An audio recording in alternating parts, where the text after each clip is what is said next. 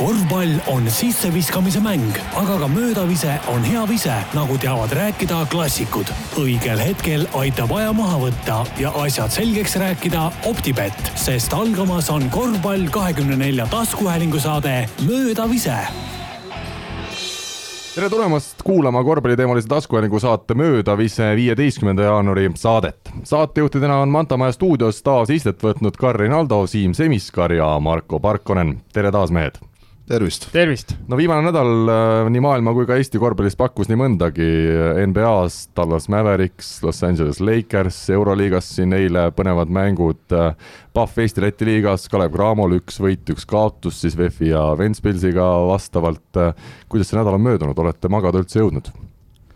kes vastab, mina? Marko alustab. muidugi, et äh, uneaega on veits hilisem, aga pole hullu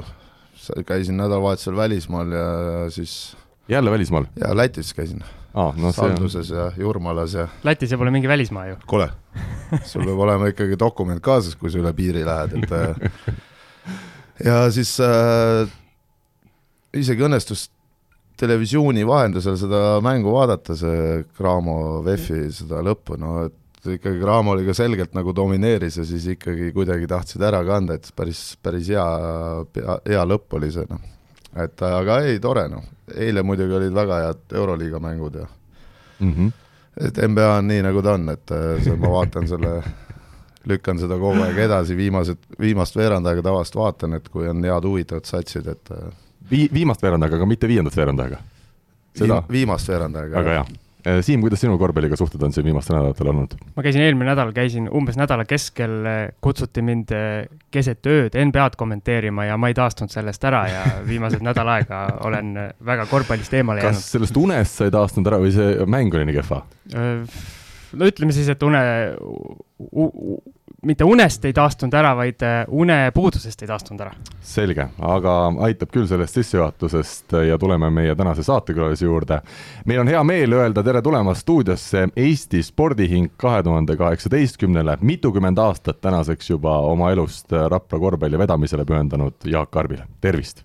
tere, aitäh kutsumast! Esiteks, me ei hakkakski rääkima kohe sellest Rapla Avisut Ürituse meeskonnast, vaid me hakkame rääkima sinu enda spordikarjäärist. Jaak, sa oled pärit Karksi nõialt Viljandimaalt, tegu on mulgiga. kuidas juhtus nii, et ühest mulgist sai korvpallur? jah, et ega tegelikult see väga loogiline ei olnud küll, et äh, sel ajal, kui mina tookordse nimetusega siis Nuias koolis käisin, siis ega siis korvpallitrenni seal ei olnud, põhimõtteliselt ainukene valik oligi kergejõustikku teha ja äh, ja, ja sellega ma tegelesin, jooksin, äh, tegin mitmevõistlust, aga ma ei tea, kust, kuskilt see pallimängu pisik oli, oli külge jäänud ja, ja mida aeg edasi, seda rohkem see ma mäletan hästi, kuidas minu pidev äh, igalt poolt mingi palli otsimine ja viskamine, põrgatamine, ma ei tea, see, see nagu häiris, ajasin oma kergejõustikutreenerit hulluks sellega ja ja, ja aga see kuidagi, see tõmme oli nii tugev, et äh, põhikooli lõpus ma otsustasin minna äh, Viljandisse korvpallitrenni. Et ja, ja see oli niimoodi keset hooaega ja, ja noh, see oli ka niisugune paras äh, vaevaline, kuigi seal on Nuia ja Viljandi vahel on mingi kolmkümmend neli kilti ainult, siis oli, käisin, mäletan hästi, käisin liinibussiga, mingi ligi tunnine sõit siis kuna aega oli vähe, siis panin jooksuga, ma ei tea, kui palju sinna saali on, jooksuga trenni ja, ja enam-vähem trenni lõpus vist sai lõpuni teha, aga ka jälle jooksuga bussijaama ja bussi peale ja tagasi nuia, et et nii, nii hakkas see korvpalli idee. aga selgita mulle kui topograafilisele, topograafilisele idioodile, et kuidas sinna nuia ette see karksi lõpuks sai? kaks asja liideti äkki või? ja ei, vaat ma ei saa aru sellest, sest ise ka siiamaani ma ei tea, sest nuia lähedal on karksi mis on endiselt Karksi, aga nuia muutus Karksi nuiaks, nii et äh, ma ei tea, mis värk sellega on. no sa mainisid, et, et ei olnud eriti kaugel, kolmkümmend neli kilti, et siin tänapäeval on kõrvalt majaski vennad ei jõua trenni, et äh, ilma džiibita kohale ei tule, et noh, kuidas sa nagu viitsisid kuidas sa viitsisid? jaa, et ähm, ei oska ise ka selgitada, et see, see tõmme, see tõmmesoov oli ikkagi äh, oli, oli nii tugev, et, et sel momendil see ei, ei tundunudki nagu suur vaev, et äh, aga noh, õnneks, õnneks ei, ei pidanud väga pikalt kestma, et põhi, pärast põhikooli lõppu läksin TSIK-i ikkagi korvpalli erialale ja, ja seetõttu muutus trennis käimine tunduvalt lühemaks. Sa mainisid, et läksid bussi pealt maha, siis panid jooksuga trenni, et ühesõnaga sulle meeldis joosta ja kas juhtus ka mõnikord nii, et läksid üks peatus varem maha, et saaks rohkem joosta kuna ma, kuna ma nagu teadsin, et ma õigeks ajaks trenni ei jõua ja joostes ikkagi kiiremini kui bussi ei jõua, et siis ei, ei läinud maha. kas korvpall ikkagi sinu jaoks sai mingil hetkel nii-öelda kõige tähtsamaks asjaks elus juba siis ütleme enne tsikki minekut või? Äh, jaa, et see, aga see on, see on kuidagi tagantjärgi välja tulnud, et ma olin, ähm, noh, mulle ikkagi meeldisid noh, mängud üleüldse, et ma tean, et ma ka, et mulle võrkpall näiteks seal koolis väga meeldis ja oli isegi veel, enne kui ma TSIK-i korvpalli läksin, siis oli veel äh,, oli mingisugune selline noore treeneri programm oli, mida TSIK-is tehti ja, ja ma tean, et ma käisin, tegin selle läbi hoopis võrkpalli erialal nagu, et äh, et aga, aga jaa, see korvpall, ma ei tea väga täpselt, kus, aga see, see oli väga tugevalt sees. aga miks sinust siis võrkpallitreenerit ei saanud? kuidagi sai see korvpall võitu, ma ei, mis iganes jõul. Äh, kas äh, TSIK-is, mida sa sellest ajast mäletad, olid seal tugevad trennid, äh, sai palju tööd tehtud enda kallal või on seal hoopis mingid muud mälestused, mälestused? No seda ma, ütleme, see,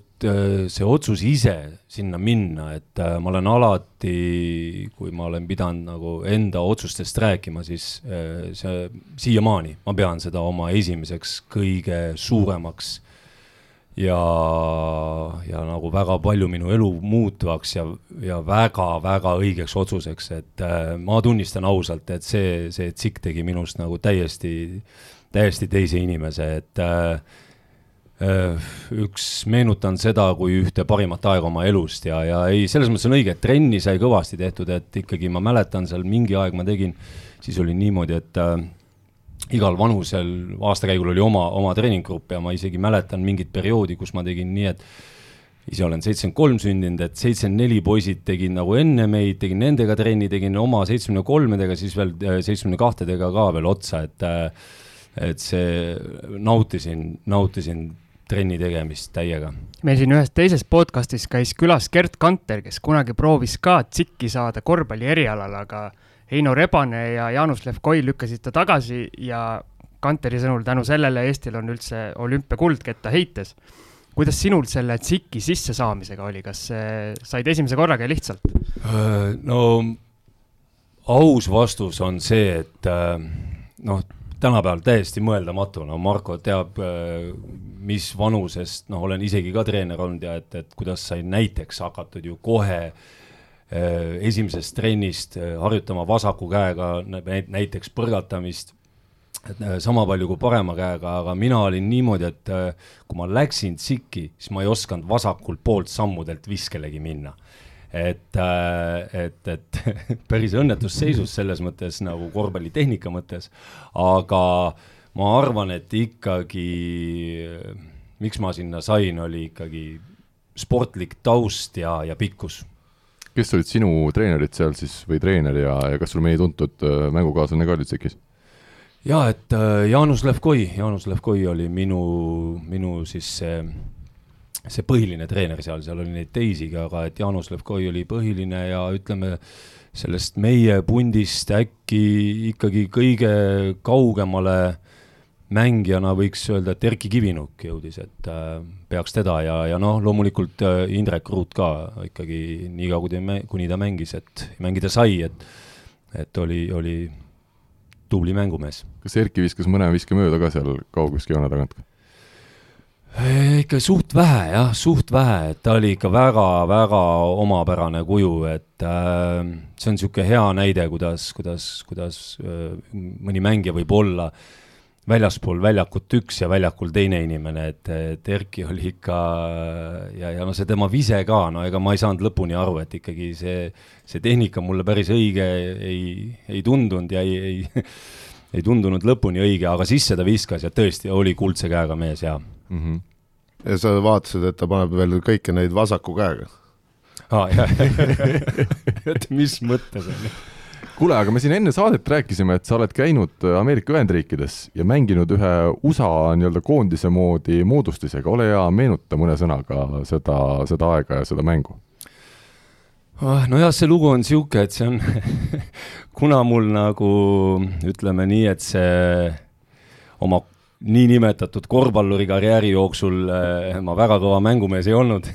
siis kui on vaja natukenegi tõestada, et üht-teist ikkagi jagasin, et siis alati selle looma leti pean käima, aga ei, no tegelikult jaa, et äh, kindlasti meeldejääv, meeldejääv reis, et et käisime jah, nagu siis kuidas, kuidas me ütlesime, et tänapäeval, no see World University Games yeah., mis on siis nii-öelda universiaadi käia käisime üheksakümne kolmandal aastal Buffalo's ja, ja tõepoolest, et seal oli ju noh, erinevad alagrupid ja, ja noh, see USA-ga ühte alagruppi sattumine oli muidugi, muidugi suur, suur, suur asi ja, ja, ja mäletan, ei ole väga, mul see mäluga ei ole hästi, aga aga mingid hetked on meeles ja ikkagi ma mäletan seda, et kuna noh, tõesti vastu pandi korralik üliõpilas äh, allstar võistkond, siis siis äh, sai nagu soojenduse ajal suurem osa tegeletud lihtsalt nende soojenduse vaatamisega, et see oli, see oli lihtsalt nii muljetavaldav, et äh, aga jaa, kindlasti üks, üks, üks ägedamaid seikasid üldse korvpalli, korvpalliväljakul, et ja, ja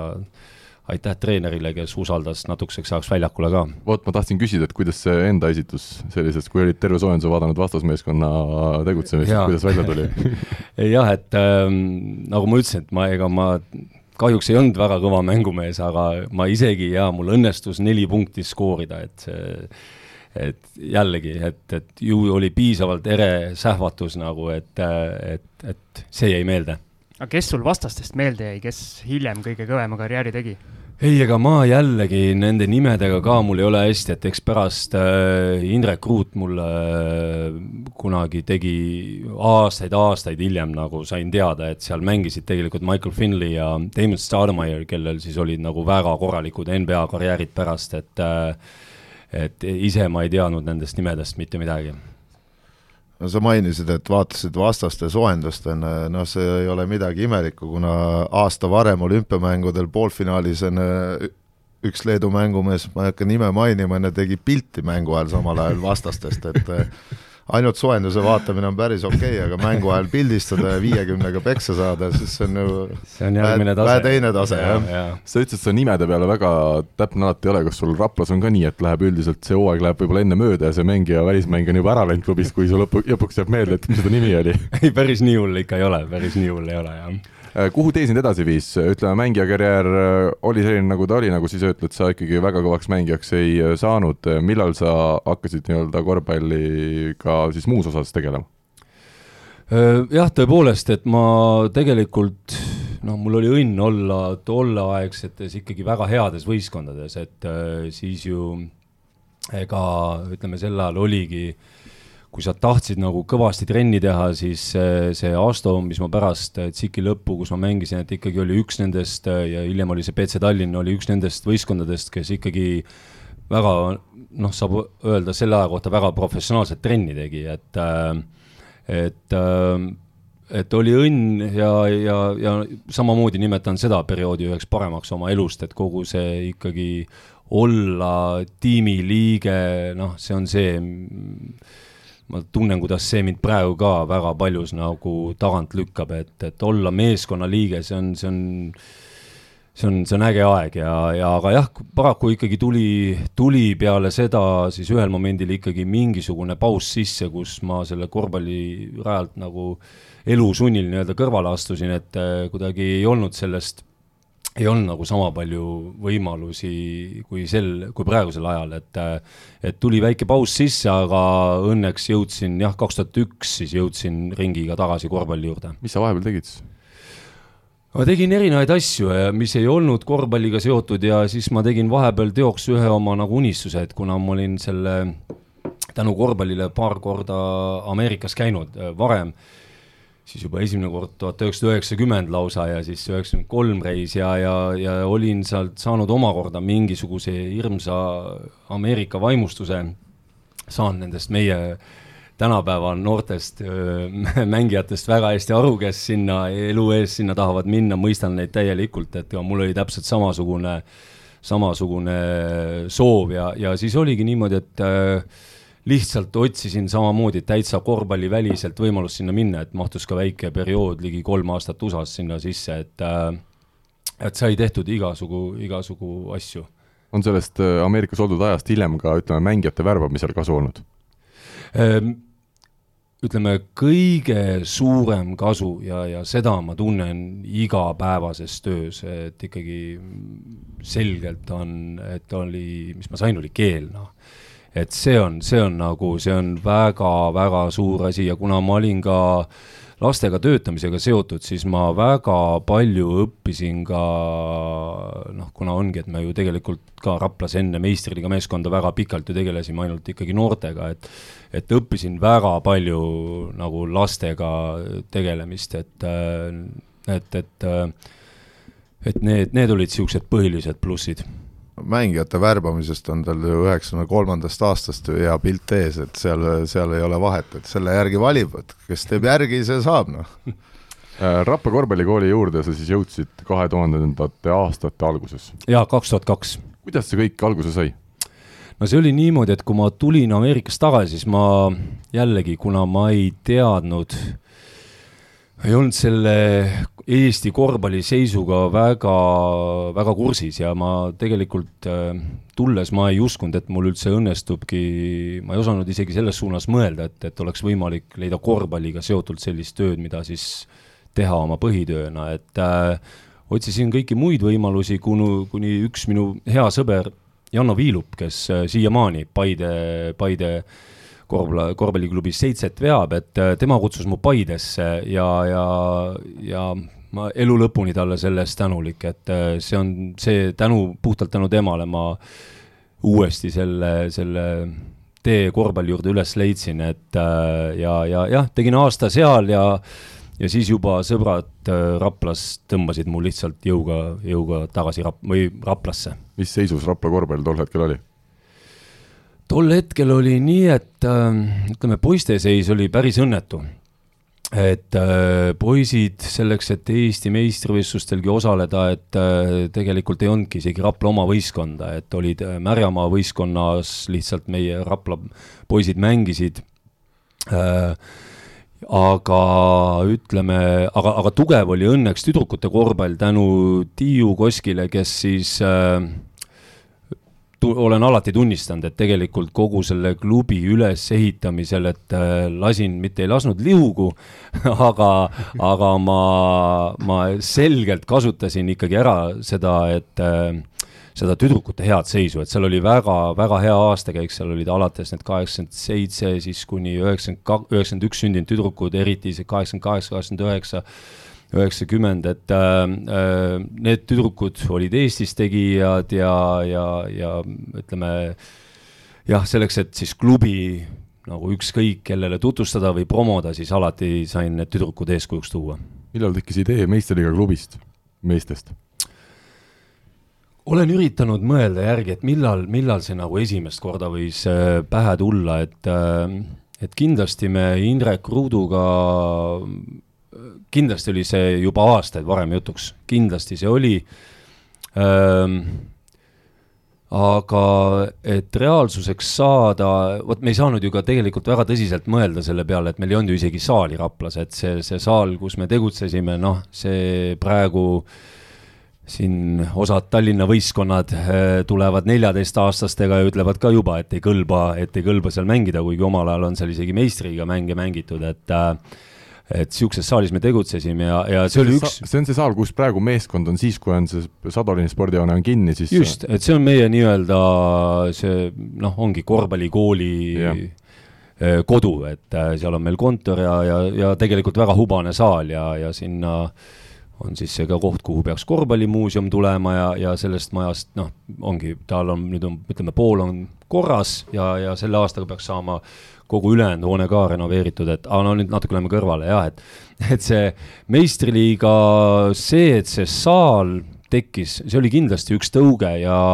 aga suur tõuge oli ka see meie äh, väga tugev kaheksakümmend üheksa, üheksakümmend, üheksakümmend üks sündinud poiste nagu aastakäigud, et seal ikkagi üks konkreetne mängija ikkagi, ma saan öelda, et tegelikult Janar Soo oli ikkagi ka see, kelle, kes, kelle pärast nagu sai seda äh, tõsisemalt, tõsisemalt ikkagi selle peale mõtlema hakatud, sest ta oli ikkagi, me nägime, et temas on potentsiaali saada ikkagi väga heaks mängijaks. Ja samal ajal ta ei olnud piisavalt hea, et ikkagi nende, ütleme siis juba olemasolevate meistriliiga võistkondade huviorbiidis olla, et me jaa, et alustasime, alustasime teisest liigast pihta, selles mõttes esimene samm oli, mulle meeldis, et oli loogiline, võitsime teise liiga ära,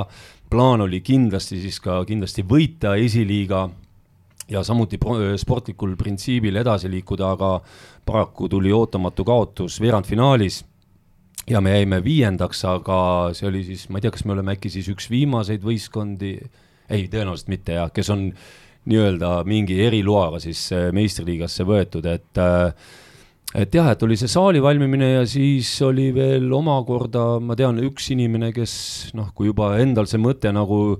järjest tõsisem ja tõsisem peas oli, siis äh, esimesena ma suhtlesin äh, Mait Käbiniga Pärnust, et nagu reaalselt küsida, et mida see reaalselt tähendab. ja ma olin valmis, kui tema oleks ikkagi olnud selline, et, et ära seda peavalu nagu võta, siis, siis ma ei tea, kas, kas seda oleks nagu tulnud, aga, aga just, et Mait oli väga niisugune positiivse suhtumisega. Kui palju teid on aidanud või vastupidi, tagasi hoidnud see Tallinna lähedus, et siin Tallinnas on enamus need meistriliiga võistkonnad koondunud, samas oli ka Pärnus, eks, võistkond on siiamaani ja te jääte nagu selle kahe vahele, et äh, jaa, et sul on õigus, et tal on, sellel on omad, omad plussid, omad miinused, noh, et, et see Tallinn ju, ju alati tõmbab, aga noori ju igalt poolt, igalt poolt Eestist ära, et on äh, keeruline, et neid koha peal hoida, aga kuidagi ütleme, mis puudutab äh, mängijate värbamist, siis ma ei ütleks, et see enam probleem on, et ikkagi noh, pigem on Rapla selles mõttes hea koht, et ma alati välismaalastele ütlen ka, et see on nagu see koht, kus noh, see on ikka see koht, kus on võimalik ainult korvpallile keskenduda, et, et siin äh, väga niisuguseid muid ahvatlusi ei ole, kuigi Tallinn on päris lähedal, aga sellel on jah, ei, sellel on kindlasti omad plussid ja näiteks, mida ma saan praegu noh, näiteks välja tuua, ongi see, et ma olen ikkagi väga palju toetajaid ka leidnud äh, Tallinnast. Ja, ja, ja, ja, ja selles mõttes oleks see kindlasti keerulisem, kui, kui me Tallinnast kaugemal ole, oleksime, kui see, kus me oleme nii et ta pigem on ikkagi kasuks tulnud, see asukoht? Eh, pigem kasuks tulnud jaa, et ja, ja ikkagi oleme saanud siin ka jaa, et ma, ma ütleks küll, ma ütleks pigem ja kasuks. tund aega sõitu, mis umbes ju Tallinnast Raplasse on, see ei ole ka tänapäeva mõistes enam mingi meeletu vahemaa ju noh, see pole mitte midagi, see on nelikümmend viis, viiskümmend minutit, te teate ise, kui te peate ühes linna otsas elama Just. ja teises tööl näiteks käima, siis see, see on noh, ja, ja, ja Tallinnas lihtsalt ühest, ühest otsast teise jõudes need närvirahke läheb kindlasti rohkem kui rahulikult maanteel ühe, ühe kiirusega sõites mm. -hmm selge, aga tuleme siis juba natukene rohkem tänasesse päeva, esiteks ütleme, mitmendat hooaega Rapla mängib meistriliigas? on sul lu-, lugev? jaa, meil on, äh, tean väga hästi, et meil on niisugune pisike juubelihooaeg, et kümnes hooaeg. no vot, siis me oleme õigel ajal seda saadet üldse tegema hakanud, et äh, kas kutsed on juba meile valmis kirjutatud nagu plaane on küll, et äh, mitte teie kutseplaan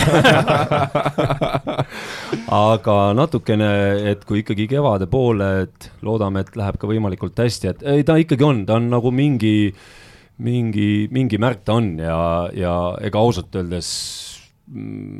jah, kui sa nüüd seda jälle ütlema, ma pean ise kõva häälega välja ütlema, et, et raske uskuda, noh tõesti, et juba kümnes hooaeg mm. -hmm kuidas nende toetajate leidmine siis ikkagi välja on näinud, sina oled seda klubi vedanud, väga paljuski sellega tegelenud, kas see ongi sinu ikkagi peamine töö? ta on, ta on peamine töö, natukene halvasti on see, et ähm, Eestis on ikkagi keeruline, no keeruline spordis palgata piisavalt abijõudu, et äh, ütleme ausalt, et tegelikult ma võiks tegeleda ainult sellega, ütleme, suures osas ma võiks tegeleda ainult toetaja, mitte ainult otsimisega, vaid tegelikult väga oluline osa mu tööst on ikkagi toetajatega suhtlemine ka hooaja sees ja, ja ja, ja sellest äh, ma teen seda nii palju, kui ma suudan, aga, aga tegelikult peaks veel tunduvalt rohkem tegema, et seda, et toetaja tunneks, et ta on äh, väärtustatud, et ta on oluline, teda peetakse meeles, sellega tegelikult tuleks äh, tegeleda, ma tahaks tegelikult sellega tegeleda veel rohkem, aga kahjuks tuleb tegeleda veel saja muu asjaga ja kas see Rapla fännikultuur, mis teil nüüd on välja kujunenud, kas see on kuidagi teadliku töö tulemus või see tekkis nagu iseenesest kuidagi? ta tekkis ikkagi, noh, võib öelda, tekkis ikkagi ise, et selles mõttes, et me äh,, ta tekkis ikkagi fännide hulgas et ta tekkis fännide hulgas, aga mis mulle väga meeldib äh, nagu meie puhul on see, et ma, ma tunnen, ma ei tea väga täpselt teiste klubide ju tegutsemisi, et aga nii palju, kui ma kuulnud olen, et äh, mulle tundub, et meil on ikkagi väga selline tugev seos on klubil nagu fännklubiga, et me, nad ei ole, nad ei ole sellised eraldi tegutsejad, et me, meie ikkagi nii palju, kui jõuame, äh, ma käin ise nende koosolekutel näiteks äh, rääkimas äh, klubi ja meeskonna hetkeseisust, me oleme teinud ühiseid üritusi, meil on näiteks noh, müts maha meie nimesponsorite eest, kui meil on olnud siin näiteks nimemuutusi, siis nii Avis kui Utilitas on, on aidanud alati fännidel noh, lihtsalt tulebki meelde see üks nimevahetuse moment, et, et on alati on nad suhtunud fännidesse väga lugupidavalt, samamoodi neid on, nende jaoks on see üleminek lihtsaks, lihtsaks tehtud ja et meil on selline, meil on see suhtlus päris tihe ja ma olen enda jaoks ka väga äh, tahtnud, et ma kindlasti oleks väga kättesaadav igale kui viimasele, ükskõik kellele, igale ühele, kes, kes, kes meid fännab no eks need fännid saavad sind kätte küll, ega see päris niisugune New York ei ole Rapla, aga aga selle raha küsimise kohta, et äh, kas, kui sa näiteks lähed, ütleme, mingi firma juurde, et äh, küsid, kas na, sa pead seletama oma plaani lahti, kas on äh, niinimetatud sponsoritel ka oma mingid nõudmised, et näiteks, et me tahame, et on kaheksa eestlast, kümme eestlast või üheksa välismaalast, on ju, et äh, ainult võidad või mängitad noori, no neid versioone on igasuguseid erinevaid, et ja. Äh, kas sul, sul on nii ka, et kui on näiteks selline Adidas, Nike, Reebok on ju, siis sa lähed igaühe käest küsid, ühele ütled, et sa tood enne kümme välismaalast, teisele ütled, paned ainult noori enne, kolmandale ütled, et äh, me võidame kõik mängud ja kõik on nõus, annavad plekki ja nii edasi äh, no need lähenemised on ikkagi väga-väga erinevad ja et ütleme, see, kuidas mina toetajatele lähenen, et see on sa ei pea oma business plaani välja rääkima. aga no ütleme, see ongi nii, see on kuigi võiks, eks ole. Väga seinast seina, see on, ütleme, niisugusest lihtsast äh, telefonikõnest, isegi on, on, on olnud olukordi, kus piisab telefonikõnest inimesega, kellega ma pole kunagi elu sees isegi kohtunud näiteks, kuni selleni välja, kus tuleb ikkagi äh, pika laua taga presentatsioon välja lüüa ja, ja kõik väga täpselt selgeks teha, et mis, mis nagu sellega kaasneb, aga ma Marko, jah, et sa, see suund, kuhu sina läksid, et äh, ma saan öelda, et ma olen nagu väga-väga õnnelik, et ei mingeid selliseid tingimusi, mingeid tingimusi välja arvatud, et äh, olgem ausad äh,, on, mis on, lõpuks on ikkagi võita tahavad kõik. loogiline, võitma peabki. kaasa arvatud, kaasa arvatud toetajad, et äh, lõpuks on ikkagi, et äh, kõige olulisem on, on noh, muidugi mina pean oluliseks, üks asi on võit, aga, aga eriti noh, eriti oluline minu jaoks on see, et ikkagi, et saal oleks täis, et oleks saal täis, et oleks inimesi, et me suudame pakkuda head vaatemängu, et me suudame pakkuda emotsiooni ja kui see lõpeb positiivselt, see on alati muidugi hea. et eks see eh, noh, see toetajate suhtumine, noh, ta võib saada teinekord mingeid ikka natukene sa ju tajud, kui, kui asjad ei ole hästi, siis ega loomulikult nad ei ole ka rahul, aga, aga noh, on ka väga erinevaid inimesi, kes nagu mõistavad spordikäiku väga hästi ja saavad aru, kui, kui on halvasti ja, ja kui on hästi okei okay,, aga siin üks nagu ettepanek ka, et sa saad nagu oma fännide käest ka ju küsida juurde, kui te teete mängupäeva reedel. Läheb hästi, neil on kohe õhtul äh, pikk arutelu, siis laupäeval lähed, kutsud fännid kokku, hakkad arutama, et noh, kuidas meeldis eile ja siis küsid ka, et äkki toetate ka ja ma arvan, et need senised toetajad võib-olla tõstavad veel lati kõrgemale jah, sa, sa saaks ikka väga hästi klubi juhtimisega hakkama just. ma just tahtsin öelda, mul on tunne, et siin on väike sihuke töövestluse moment, et Markus ja, üritab ja, Jaagule selgeks teha, kuidas just, tuleb. Jaak just ju mainis, et on vaja kedagi juurde asjalikud, asjalikud ideed, aga ei, meil on, see on ütleme, fännidega kohtudes ka, et, et sa, ma, ma nii tihtipeale ähm, on, on vestlused, kus nad ikkagi, nad ütlevad ka, et kui ma kui ma võidaks loteriiga, ma paneks, ma paneks kõik teie klubisse ja meeskonda ja, ja, ja, ja ongi, ja kusjuures ongi osasi inimesi seal ka, kes ikkagi ongi teinud ettepanekuid, et, et mine sinna, küsi sealt ja, ja räägi selle ja sellega, et nad on nagu väga-väga hingega sees. Ma just mõtlesin, et nüüd sa ütled, et kui ma võidaks loteriiga, ma paneks, paneks Eestist minema. Aga see selleks, kas on juhtunud näiteks niimoodi, et mõni sponsor ütleb, et oletame, et äh, tuleb kolm mängu sisse ja sponsor ütleb, et kuule, me ikkagi sulle nüüd ei anna detsembris enam raha või võtame pool maha või mis iganes äh,? ei ole no,. Siis... nii ei ole olnud, kuigi Äh, ma Ähvardav. tean äh, ma olen jah, no ma olen kuulnud, on olnud aegu, kus ma ikkagi olen siis hiljem kuulnud, et, et loomulikult, et on ka, et on ka toetajatel pärast mingit kaotuse seeriat mast maha läinud ja, ja, ja ütleme siis selles samas mängujärgses kokkusaamisel, nagu sina välja tõid, et on, on teemaks tulnud, et pagan küll, et, et, et mis ma mi,, miks siis või et aga ei, ei, et see, et jah, ma olen, ma olen väga-väga õnnelik selles suhtes, et ei, ei ole niimoodi,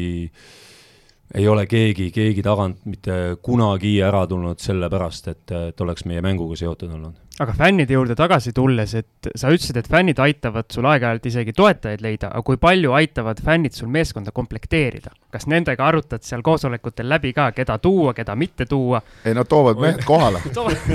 Try-out'ile augustikuus ei, nad on proovivad ise vahepeal ka. ei, nad väga-väga tahaks ja nad, nad väga tahaks kaasa lüüa ja ja ei, mulle meeldib, mulle meeldib, et ähm, äh, nad avaldavad tegelikult päris palju arvamust ja ja, ja loomulikult on, on ka neid olukordi, kus nende arvamus ei lähe minu ja treenerite arvamusega kokku ja ja noh, lõpuks noh, loomulikult me teeme ikkagi otsused äh, selle järgi, mida meie usume, mis on parim klubile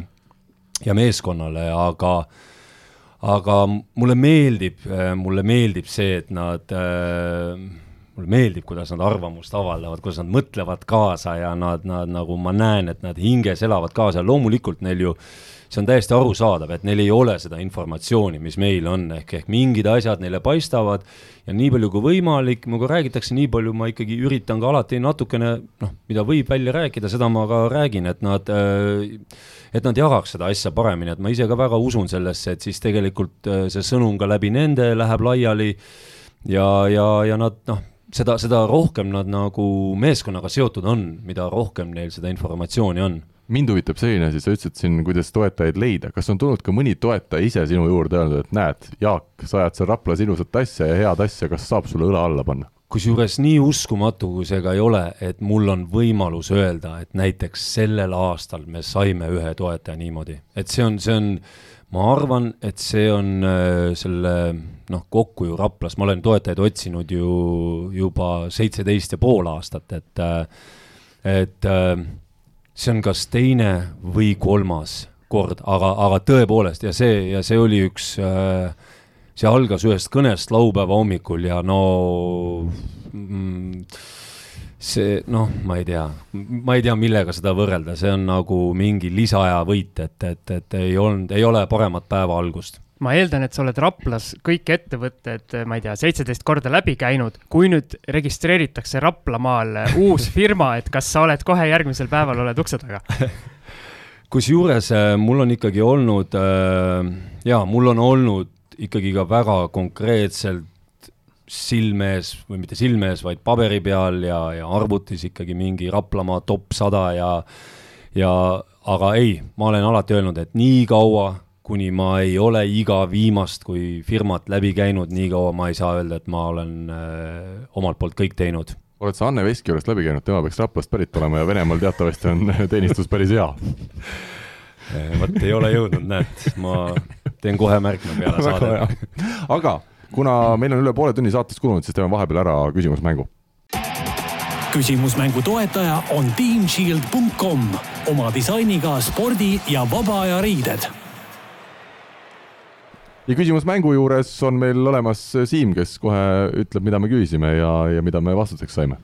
eelmine, eelmine Teamshieldi küsimusmäng siis kujunes äh, äärmiselt populaarseks, ma võin öelda, ja õigeid vastuseid laekus koguni kolmkümmend, mis on meie saate rekord. juhhei! juhhei! kas see populaarne oli sellepärast, et seal oli mainitud kolm tähte, et NBA või seda sa võid ise, ise omakeskis arutada, niikaua kui ma jätkan. Ühesõnaga, me küsisime eelmine kord, nagu Marko siin osavalt vihjas, äh, Läänemere karikaturniiri kohta, oli Läänemeri, jah? just. BSBC on siis turniiri nimi. harjutasin seda nädal aega vahepeal välja ütlema. küsisime, kes profiliigas NBA väljakul käinud mängijatest on noorteklassis käinud siinsamas Tallinnas BSBC noorteturniiril mängimas. Meie teada on neid nimesid kaheksa, eelmine kord ütlesime küll seitse, aga meil ja me saime ka targemaks ja me saime ka targemaks, kui neid vastuseid tuli, unustasime ühe, ühe mehe ära, kes seal episoodiliselt eelmine hooaeg korra peale pääses. tegelikult on neid veel, aga ma ei hakka ütlema. okei okay. Marko hoiab infot kinni. ühesõnaga, kaheksa meest, viis lätlast, kaks rootslast ja üks soomlane. kas loen nimed ka ette? muidugi lätlased on siis Kristaps Borzingis, mõlemad Bertansid ehk siis Tairis ja Taavis, Rodion Skurutš ja Andrzejs Pazetsniks. rootslased on Jonas Jerebko ja Jeffrey Taylor, mõlemad siis väga selle turniiri algusaastatel siin käinud, ja soomlane Lauri Markkanen. nii, aga meil on nüüd Jaak, kes äh, on valmis äh, ütlema ühe numbri. ühest kolmekümneni paluks. üksteist. number üksteist. oota, millest see valik tuleb? nii kiiresti tuli mm,? Ei teagi. ei tea, jah? väga hea, see on ka hea põhjus, see on esimest korda, kui selline põhjus tuleb nii, number üksteist on meil, võib siis öelda, kuulus äh, jalgpallitreener ja fotograaf ja korvpallisõber ja kõik, kes veel, Egon Tintse. kas kohe kuulus on, ongi nii, jah? mina tean teda, jah ah,. siis, siis, siis, siis on kuulus. siis selge ei vaidle. mis Egon saab endale? Äh, korvpall kahekümne nelja erilahendusega särgi, nii et äh, tuleb hakata nüüd jälle ise mängima rohkem, ma ei tea, palju ta praegu mängib, aga alati saab rohkem. Vähemalt särk on olemas. ja uue nädala küsimus. uue nädala küsimus on meil siis seotud meie külalise Jaak Karbiga ja küsimus on üsna pikk, proovige ära kannatada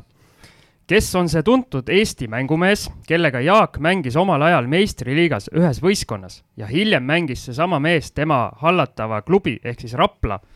eest ja lõpetas selles samas Rapla klubis ka oma profikarjääri info at korvpall kakskümmend neli punkt ee ja korvpall kahekümne nelja Facebooki lehe sõnumid on need kohad, kuhu kõik õigeid ja valesid vastuseid saata. meie aga läheme edasi järgmise teemaga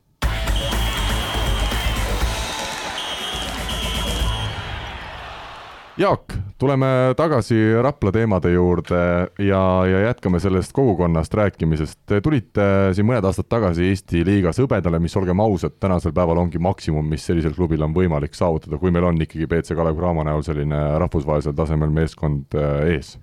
või sa juba vaidled siin vastu pigem ähm. väga hea äh, ei, Cramo on, äh, on selgelt äh, teistest eristuv meeskond Eestis ja aga sellele vaatamata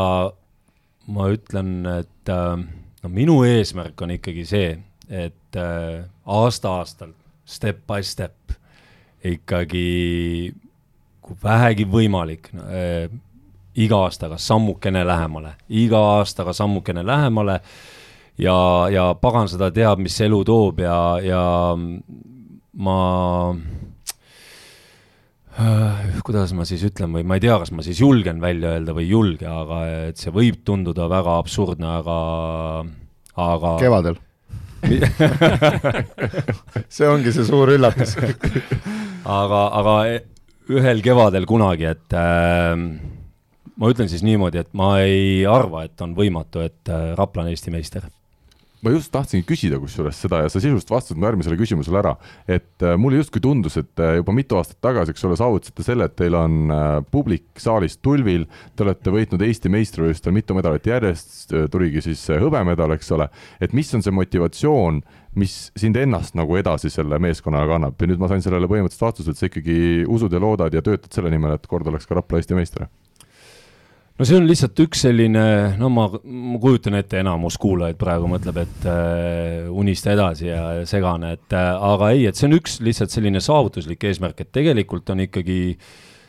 jah, on, see on, see on huvitav, et sa tood selle välja, et ma mäletan hästi, et ka pärast seda hõbeda võitmist, et oli ka nagu palju juttu, noh, et, et no kuhu siis ja kuidagi kogu aeg oli selline, no et aga no mis nad siis nüüd ikka teevad, et noh, kui me mõtleme, et ikkagi sellistes pika, pika spordikultuuriga riikides ju mingid, ma ei tea, kui kaua Inglismaa jalgpallimeistrivõistlused näiteks on olnud, no mis siis on, et, et kui on seal mingi võistkond juba viiskümmend seitse aastat kuskil kolmandas liigas, kas siis on nagu mõttetu või, et, et ei ole, et no see on, see on oluline, noh, esiteks on nii palju, nii palju seda, kus nagu, mida paremini teha, kus edasi areneda ja tegelikult ikkagi selle saavutuse juures ikkagi teine ülesanne on ikkagi äh, olla, olla oluline ikkagi jätkuvalt olla oluline ja veel olulisem selle kogukonna jaoks, kus me tegutseme ja, ja mis mina alati ütlen, et meistriliiga meeskonna üks suur-suur ülesanne on tuua, on olla eeskujuks öö, lastele, on olla eeskujuks noortele et äh, seda on nagu üliäge näha, ma veel lausa, näiteks viimane mäng, ma, oli poolaeg, niikaua kuni treenerid omavahel asja arutasid äh,, tavaliselt lähen kaasa riietusruumi ja siis ka korraks nagu jäin seisma, et meil oli meie ühe hea sponsori Balbino mängija äh, ja sa ei saa nagu mängu ajal aru, enne kui oligi see poolaeg, kus on mingi lastevõistlus ja kui siis kõik need lapsed olid, ma, ma pidin võtma telefoni välja ja filmima seda, kui palju näiteks meil lapsi on kodumängul, et et see on ülioluline, et need lapsed nagu ongi, et kasad käivad lastevanematega kaasas, kasvavad ja tahavad ühel päeval tänu sellele trenni tulla ja tänu sellele nad jõuavad spordi juurde, et, et see on nagu ülioluline, pluss,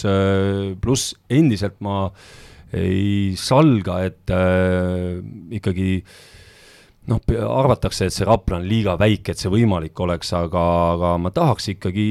ikkagi tahaks, et üks päev oleks järgmine samm ka mingis eurosarjas osalemine. kui palju seda kogukonna kasvatamisele aitab see kaasa, et teil on klubis mitmeid selliseid mängijaid, kes on äh,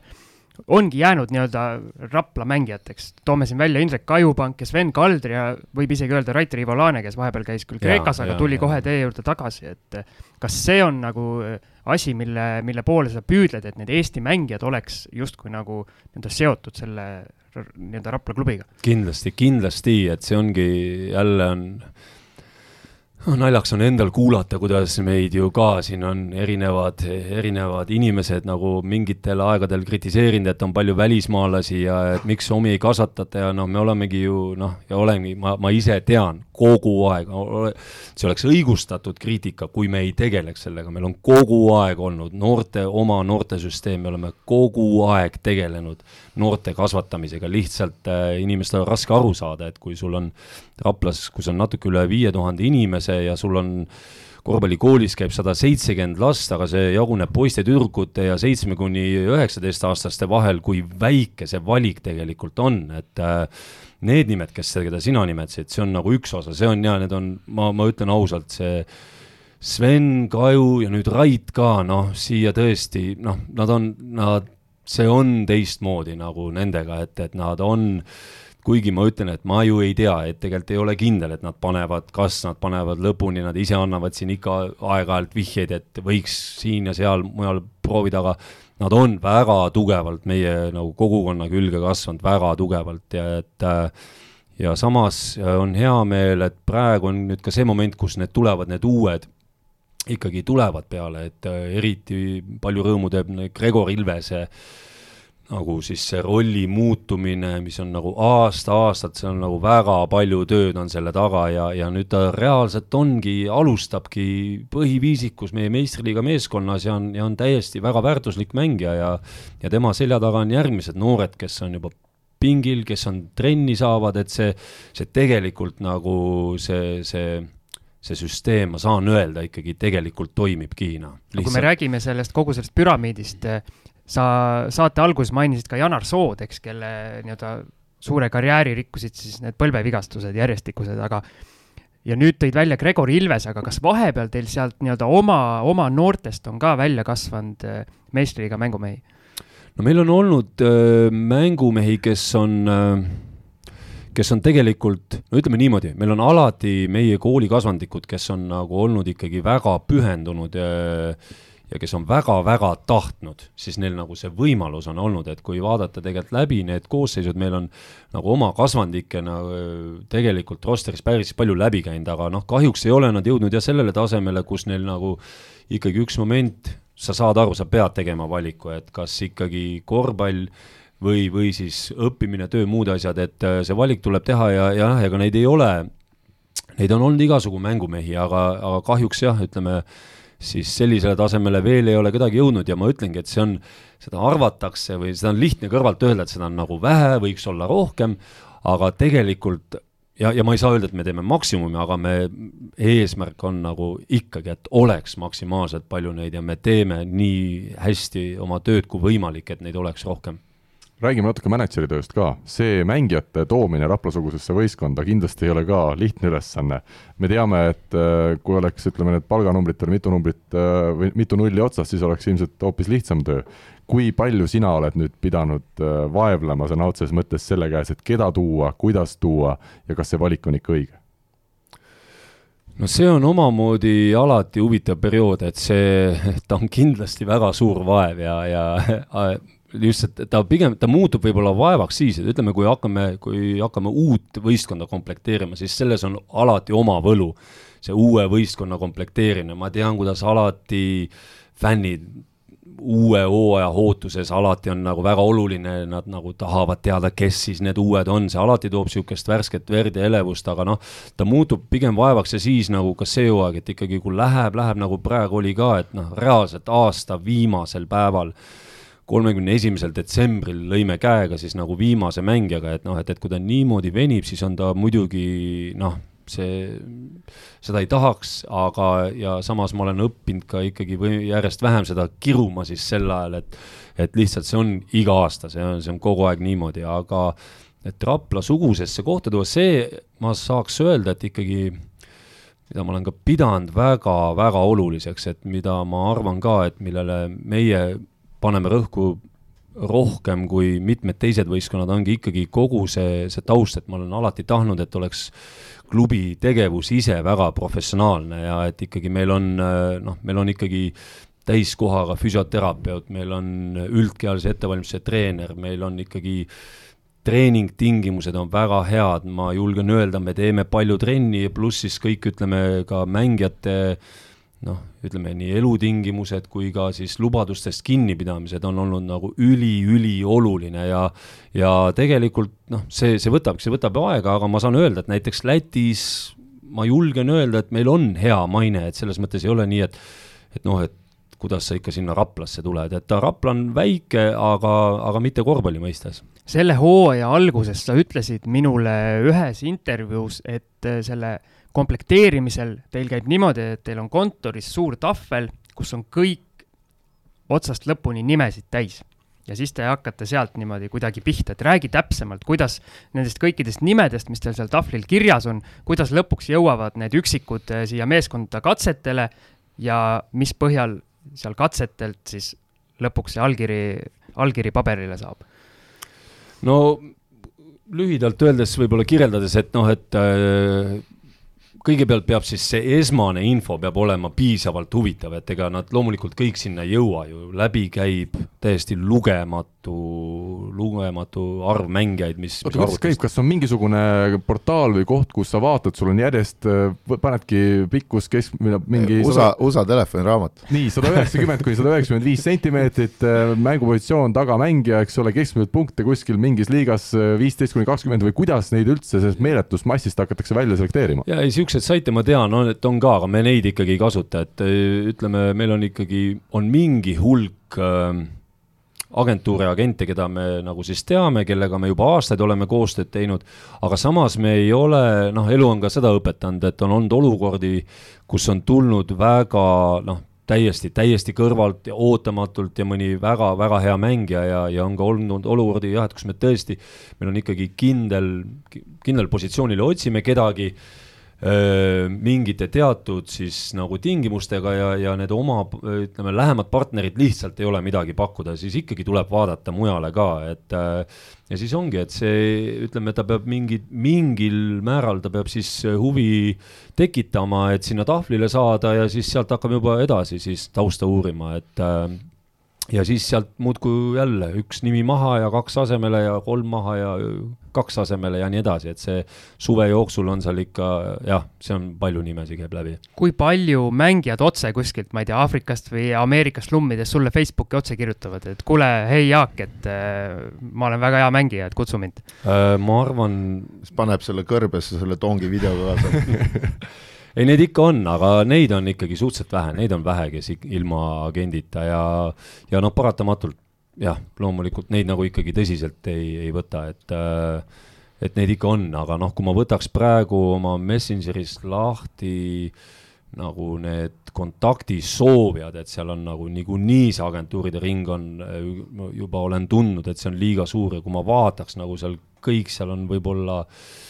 ma ei tea, nelikümmend pluss, kes veel on nagu mingil ajal võtnud ühendust, et halloo, tere, ma olen agent ja tahan mängijaid pakkuda, et see noh. sa ütled vastu Hallo Kosmos ei, neid on, see on, see on kosmos, et neid on, see on, neid on palju ja, ja kuidagi see agendi töö vist noh, ütleme, paistab kõrvalt äh, sihuke, sihuke väga äge, aga tegelikult agendi töö on väga-väga ropp kas on suur vahe, on Euroopa mängijaga tegu või on äh, mängijaga tegu, kes tuleb Ameerika Ühendriikidest? kõrvalt jääb mulje, et see on ikkagi nii mänguliselt kui ka iseloomude osas tihti väga erinev. no üldiselt mulle ei meeldi selline lahterdamine ja kastitamine. tegelikult on ikkagi, tegelikult oleneb ikkagi inimese taustast, oleneb tema perekonnast, oleneb sellest, kus,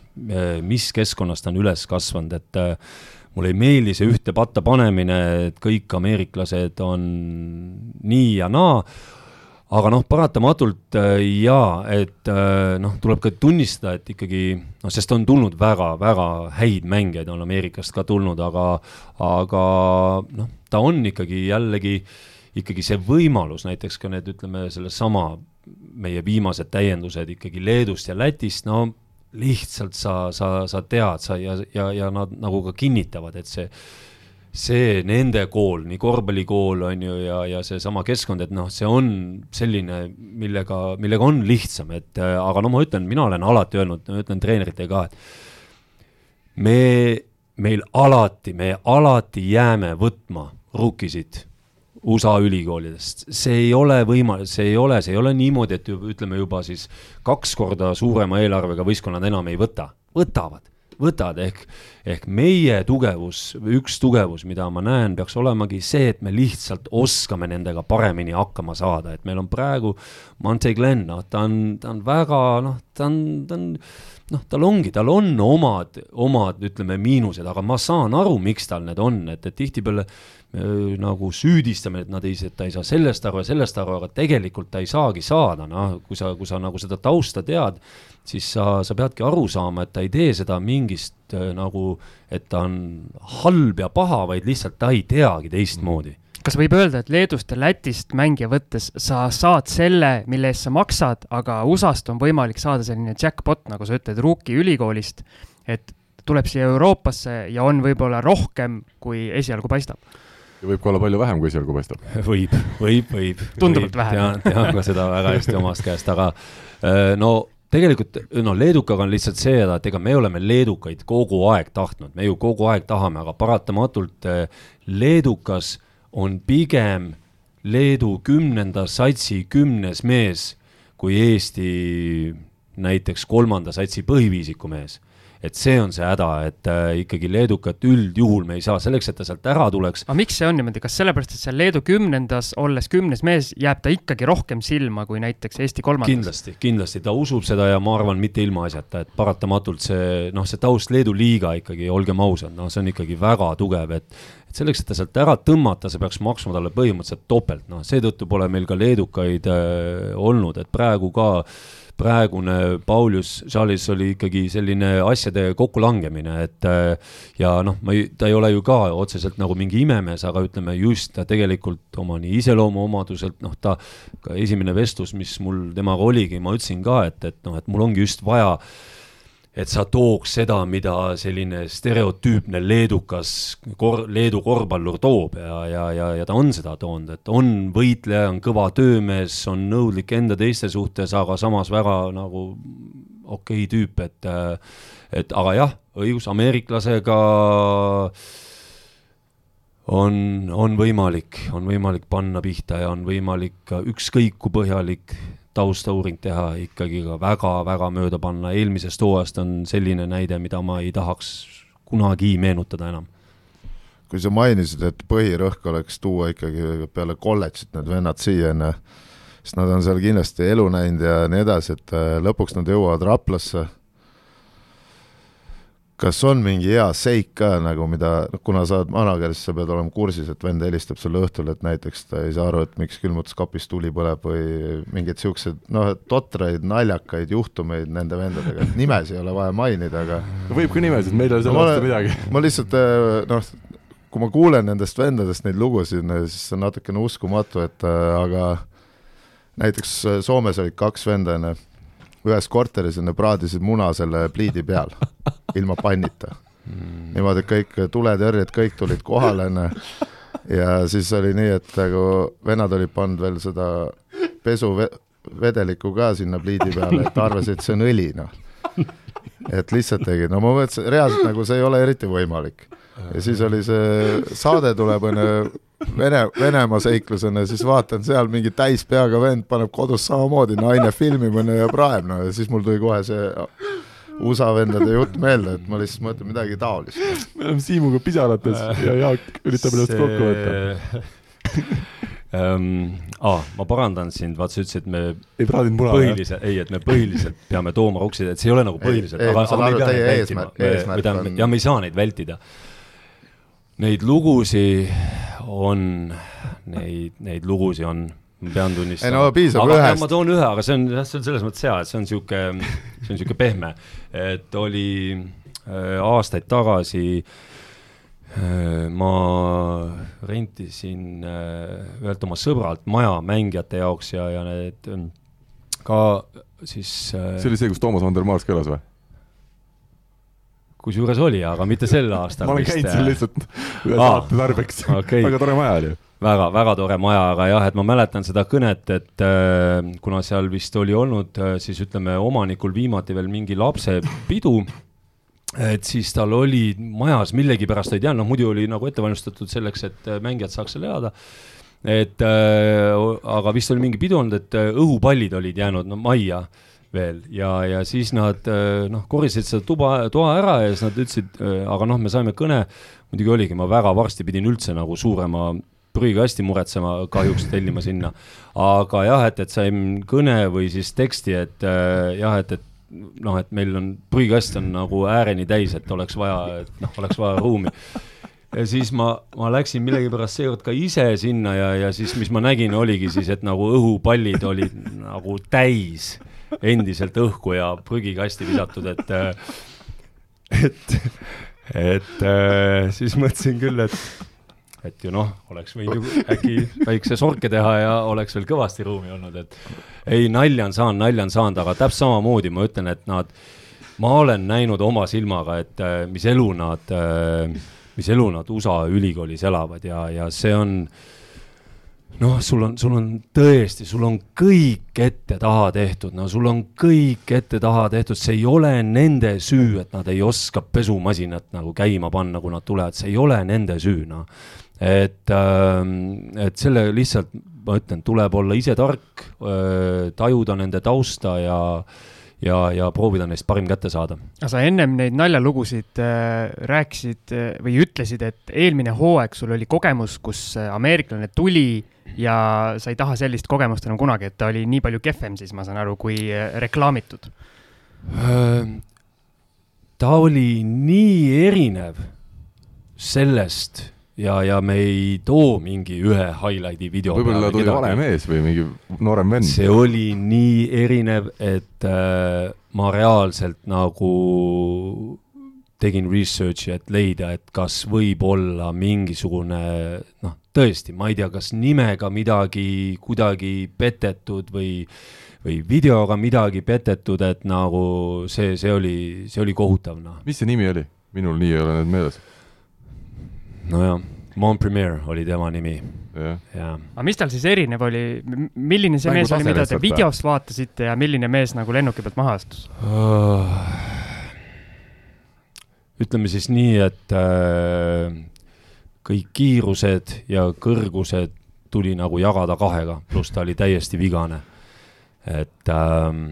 aga mis ta ise selle peale ütles, kas te nagu temaga ka rääkisite, et oled sa seesama mees, kes seal videos hüppab ringi või? oo oh jaa, oo oh jaa, oli mitmeid vestlusi. Long time ago, oh yeah selge. ja lihtsalt seal oli nagu selles mõttes halb, halb kogemus jah, et, et ka agendid äh, ei, ei käitunud selles suhtes mõistlikult, et alati on ka agentide huvi, et ikkagi asjad lõpeks kõik hästi, et äh, et mängija ikkagi noh, saaks, saaks ka edaspidi mängida, aga, aga kahjuks siis peeti ikkagi kõike muud raha nagu olulisemaks ja, ja, ja noh, ongi ja ma ütlesin ja no oligi, et ma olin kindel, et nad sellega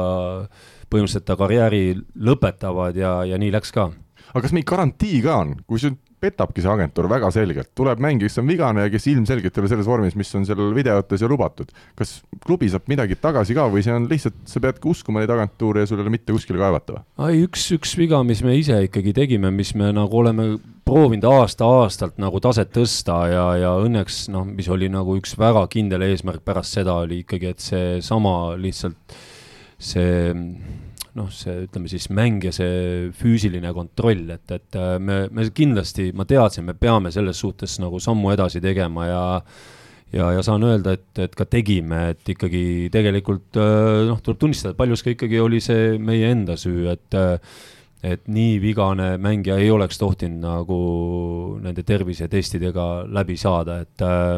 see, seal ka jah, see on, ma ütlen, kogu aeg on asju, mida paremini teha. viisite kuhugi perearsti juurde, kes ütles näita keelt ja oi, korras, võib panna küll. jah, üheksa aastat oli meil niimoodi käib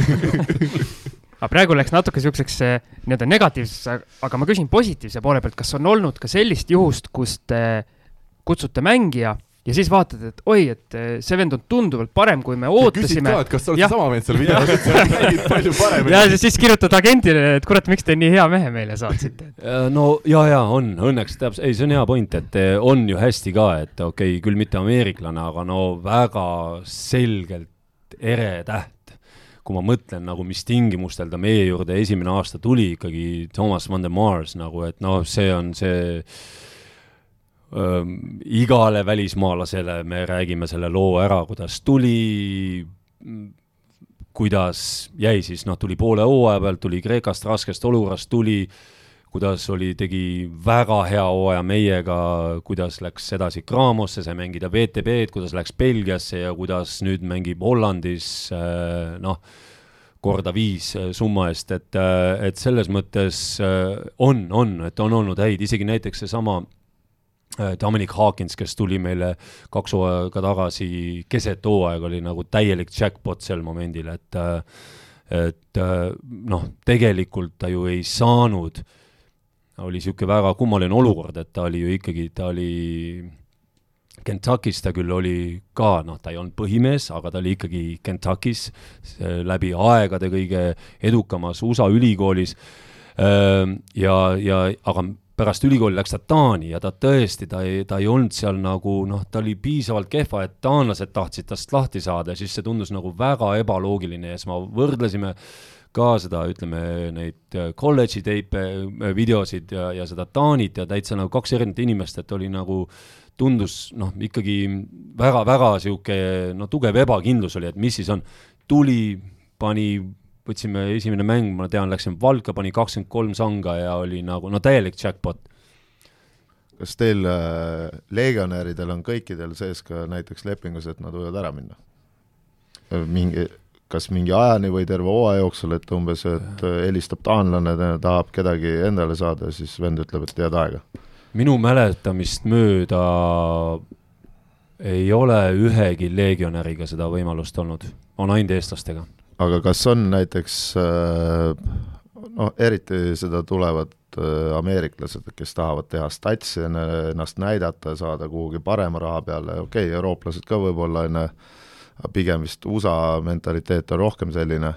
on niimoodi tulnud mängijad, ütlevad, et kuule, et ma tahaks tegelikult umbes mängige minu peale, et ma tahan siit võimalikult kiiresti edasi lennata ja statsi teha. ei, nad ikka Nemad ütlevad kõik ausalt ära, mis nad arvavad asjast ei, nad on, ei, nad on huvitavad kuju, see on ikka, et nad ähm, eks olgem ausad jah, et see on, see on üks põhiteema, see on, see on üks põhiteema, see on nende sellise, selles Euroopa üleminekuperioodis äh, on üks tegelikult äh, üks olulisemaid asju selleks, et nagu adapteeruda, ongi ikkagi see, et äh, et, et saada aru, et ikkagi, et sa võid nii hea olla, kui sa tahad ründes, et sa ikkagi, kui sa kaitses ei mängi, siis, siis sa nagu ei ole selles heas, heas nimekirjas, et nad on, nad jaa, nad tahavad, nad siiamaani siin peale mängu piiluvad seda äh, tehnilist protokolli seal pingi peal ja, ja niimoodi, et aga noh, nad ikkagi noh, see on jälle, see ongi täpselt, see on see meie töö, et teha selgeks, et sa, sa ei, sa, sa pead mängima meeskonnamängu. kui palju on sul olnud sellist olukorda, ma tean, mul üks äh, kunagi aastaid tagasi Eesti meistriliiga klubi treener rääkis niisugust olukorda, kus mängija oli neil, oli katsetel kuu aega, mängis nagu kulda täiesti meeskonnale ja siis, kui katseaeg läbi sai, allkirjad paberil, siis hakkas täiesti isetsema kui palju sul sellist olukorda on, et mees muutub pärast seda, kui leping kindlaks saab? Äh, ei ole, õnneks ei ole olnud niisugust väga suure muutusega olukorda.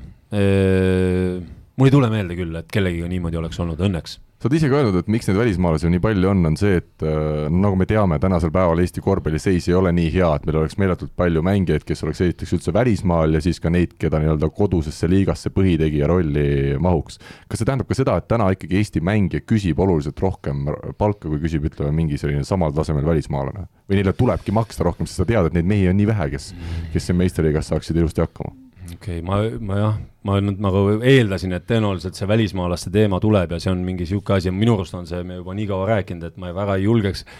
kõike välja hakata rääkima, mis ma sellest arvan, aga eh, ma, ma tunnistan, ma olen selles suhtes ka ikkagi, ma olen ise ka muutnud, muutunud, et, et ma äh, mitte suhtumises välismaalaste kasutamisesse, vaid mis just puhtu, puutub eestlaste väärtusesse, et äh, tõepoolest, kui me paneme ikkagi oskustelt kõrvuti kaks mängijat, siis eestlased on, on, on kallimad, on küll, aga et äh, ikkagi noh, ikkagi iga aastaga nagu noh, nii-öelda targemaks saades tegelikult äh,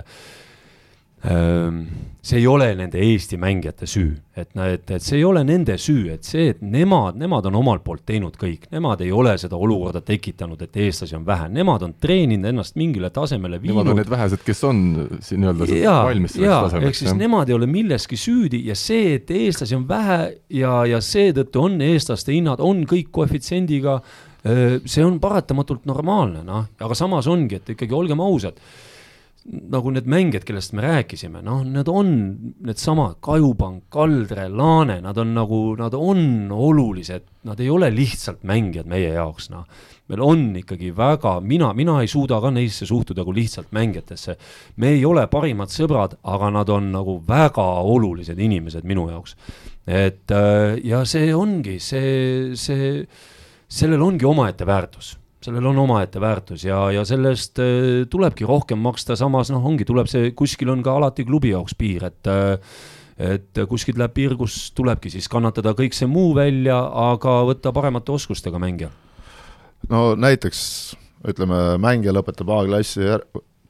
keskkooli ära, ju, U kaheksateist, ütleme, mängija U üheksateist, ja nüüd tehakse talle pakkumine. kas äh, palju umbes mina arvan, et need vennad muidugi kujutavad endale natuke liiga palju ette, hakkavad kohe küsima tonni või tonn viitesadat, on ju, ja nii edasi. et äh, kas teil on olnud niimoodi, et mingi mängija näiteks ei tule sellepärast Raplasse mängima, et ta on nagu no olgem ausad, veel noor mängija, pole ennast suutnud nagu tõestada, et ta kannatab üldse seda taset või mis iganes, küsib näiteks ütleme tonni. on ikka jah, on ikka jah, et me oleme õnneks selles suhtes suutnud äh, ikkagi oma rida ka ajada, et, et me mõistame, et need mängijad, kes äh, noh, lõpetavad kooli ja on otsustanud panustada, et äh, ma, ma kunagi ei ütle neile seda selles mõttes niimoodi, et jaa, et ärge, ärge tehke, pange kõik kaardid korvpallile, kuigi ma hinges nagu kiidan, tegelikult ma kiidan selle heaks, sest ikkagi minu jaoks see võimalus, ma nagu ise tajun seda väga tugevalt, et see võimalus olla osa sellest meeskonnast ja, ja, ja Ehm, mängida seda mängu, mis nad armastavad, et see, see on seda väärt, aga, aga me ikkagi ütleme nii, et kui ta noh, kui ta kooli ära lõpetab, siis ta ikka, see on see moment, kus ta ikkagi iga aasta ta saab veel võib-olla aasta, võib-olla kaks saab krediiti, aga ta peab hakkama ennast nagu tõestama, et ma ikkagi ütlen neile ka, et noh, näiteks osad mängijad, et nii kaua, kuni sul ei ole teist pakkumist kõrval, siis tegelikult sinu turuväärtus on null. Aga ikkagi me, me aitame neid mängijaid, et ikkagi, et ta saab noh, ma ei tea, poiss saab minna girlfriend'iga kinno, ilma et peaks vanematelt nagu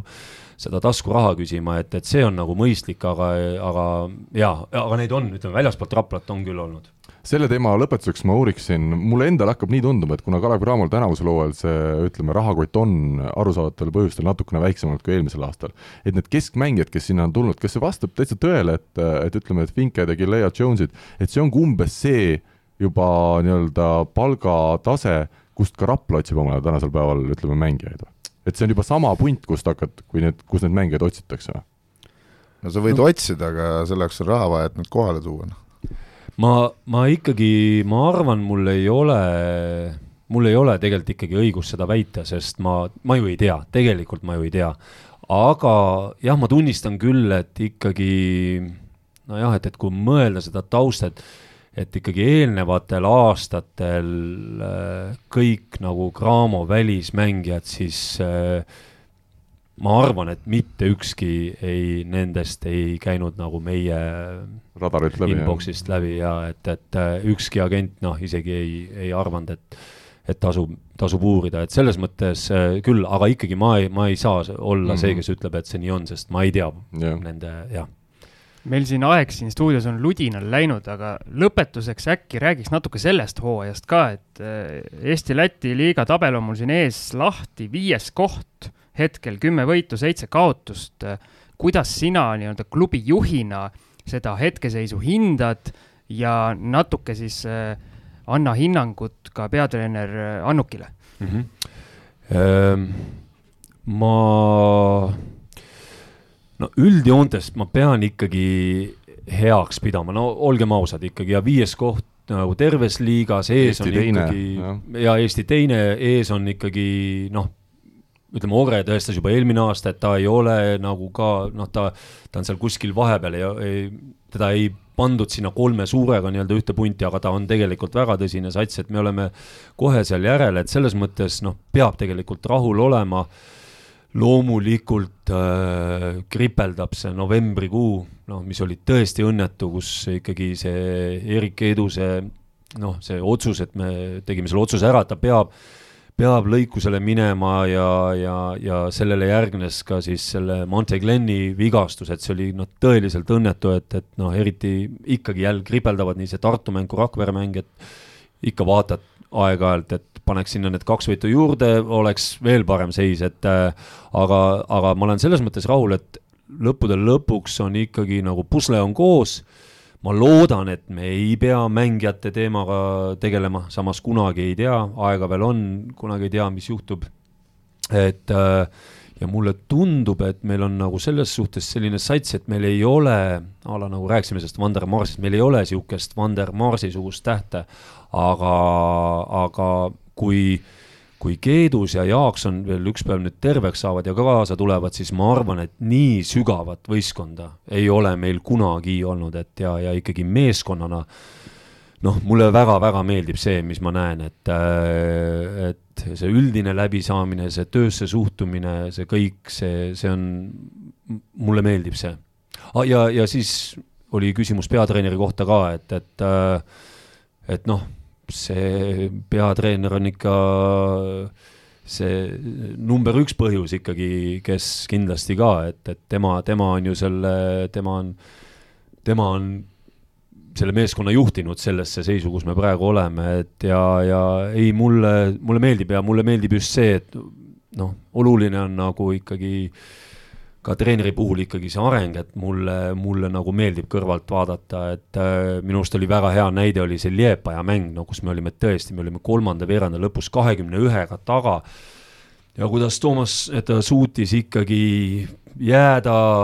jääda mm, niisuguseks rahulikuks, keskenduda ainult mängule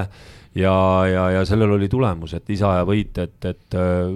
väga-väga äh, hästi praegu rahulikuks jäämisest rääkides, siis äh, sina reeglina istud ka meeskonna pingil ja lähed väga-väga käima, ehk siis oled väga emotsionaalne, et kust sul see seest tuleb ja kas sa oled nii mängu sees? Ah, see on jah, see on. isikuomadus siin vist. põhimõtteliselt jah, see on sihuke ähm, noh ma ei tea, kas nüüd, no mitte nüüd nii lausa ei ole, et peale iga mängu kahetsen jälle, et mida ma kõike korraldasin, aga, aga lihtsalt ei, see on sees ja minu jaoks on, mulle on äh, üks inimene äh, keda saab legendiks nimetada, on mulle viima-, viimastel aastatel korduvalt on öelnud, et sa võiksid vaadata seda mängu kuskilt mujalt rahumeeli, aga, aga ei, et ma, ma selles suhtes tahan äh, tahan kindlalt teha nagu oma tunde järgi, et mul on oluline, mul tõesti, ma tunnistan, et see on nagu minu jaoks oluline, ma ei tea, kas sellest seal võistkonnale on tolku või ei ole, aga mina tahan, ma tahan selle meeskonna juures olla, ma tahan selle asja sees olla, aga kindlasti see, mis ma seal pingil või mis mul mõnikord suust välja tuleb, et selle üle ei saa küll uhke olla. kui palju sa tehnilisi oled võtnud selle tõttu? ma ei, kusjuures ei, see jääb juba väga kaugesse aega, et aa, et ei olegi viimasel ajal saanud? aastaid ei ole saanud, ma väidan. sa peadki seal Rapla meeskonna pingil istuma, sest need on ainsad vabad kohad seal Rapla Saari spordihoones ju, siis sa ei mahugi publikusse. õige, õige. kusjuures mind saadeti, huvitav case oli minu arust eelmine hooaeg, kus mulle mulle tehnilist ei pandud, aga mind saadeti saalist välja, ma ei tea, mis, mis, mis värk sellega oli. aga kui sa lähed, istud näiteks teise koha peale, siis sa saad seal loopida igasuguseid asju väljakule, karjuda, mis sa tahad et nagu see ei ole ka paha üldse. ei, kusjuures, kui ma, ma olen selle peale mõelnud, et ma. et asju väljakule loopida. ei, ei, mitte see, aga ma olen ennast kujutanud ette, kuidas ma tahaks olla selle meie fänni, selle padu fänniarmee keskel, et äh, mulle seal ka väga-väga meeldiks selge, meil on nii palju teemasid, mis me täna võinuks veel rääkida, ma arvan, et meil tuleb võtta kunagi ette teinekord, kui meil äh, Jaak tuleb saatesse. mis oli tänases saates eriline ja mille üle minul ja Siimul on kindlasti eriti hea meel, et nii vähe ei ole Marko veel kunagi meie saate ajaloos sõna saanud ja nii jätkata, eks ole, Marko? aga lõpus ikka midagi ütled. ja viisaka inimesena ma ei trügi vahele teise, teise jutule, nagu teie siin kahekesti kordamööda peksate niimoodi suvaliselt, et ma ikka kuulan ära, mis rääkida on. on sul mingit kokkuvõtet ka tänasest saatest või, või Jaagust? töö käib. Ootan seda kutset sinna juubeliüritusele või sellele, ma saan aru, et äh, Raplasse hakkab mingi nädal-kaks, toimuvad erinevad üritused iga päev, soojad ilmad, hooaeg läbi. No, et sina eks... tead seda Rapla elu päris hästi. Jaa, mul, olen ka seal Raplas käinud neid mänge vaatamas, et mulle ka meeldib, et need fännid seal röögivad ja et äh, ei, tore värk, et kui asja tehakse suure südamega. kui me alustasime tänast saadet sellega, et meil on äh, külas äh, spordihing, siis ma arvan, et tänane tund ja pealegi andis märku, et meil tõesti oli täna saates üks mees, kellel on täielik spordihing. Jaak, aitäh sulle saatesse tulemast! aitäh kutsumast! jõudu, jaksu Rapla meeskonnale, Rapla noortele, et see tegevus jätkuks ja et, ja ka, et indu jätkaks! aitäh, aitäh! ja meie ütleme kõigile kuulajatele aitäh ja kohtumiseni nädala pärast! Kuulmiseni! Kuulmiseni!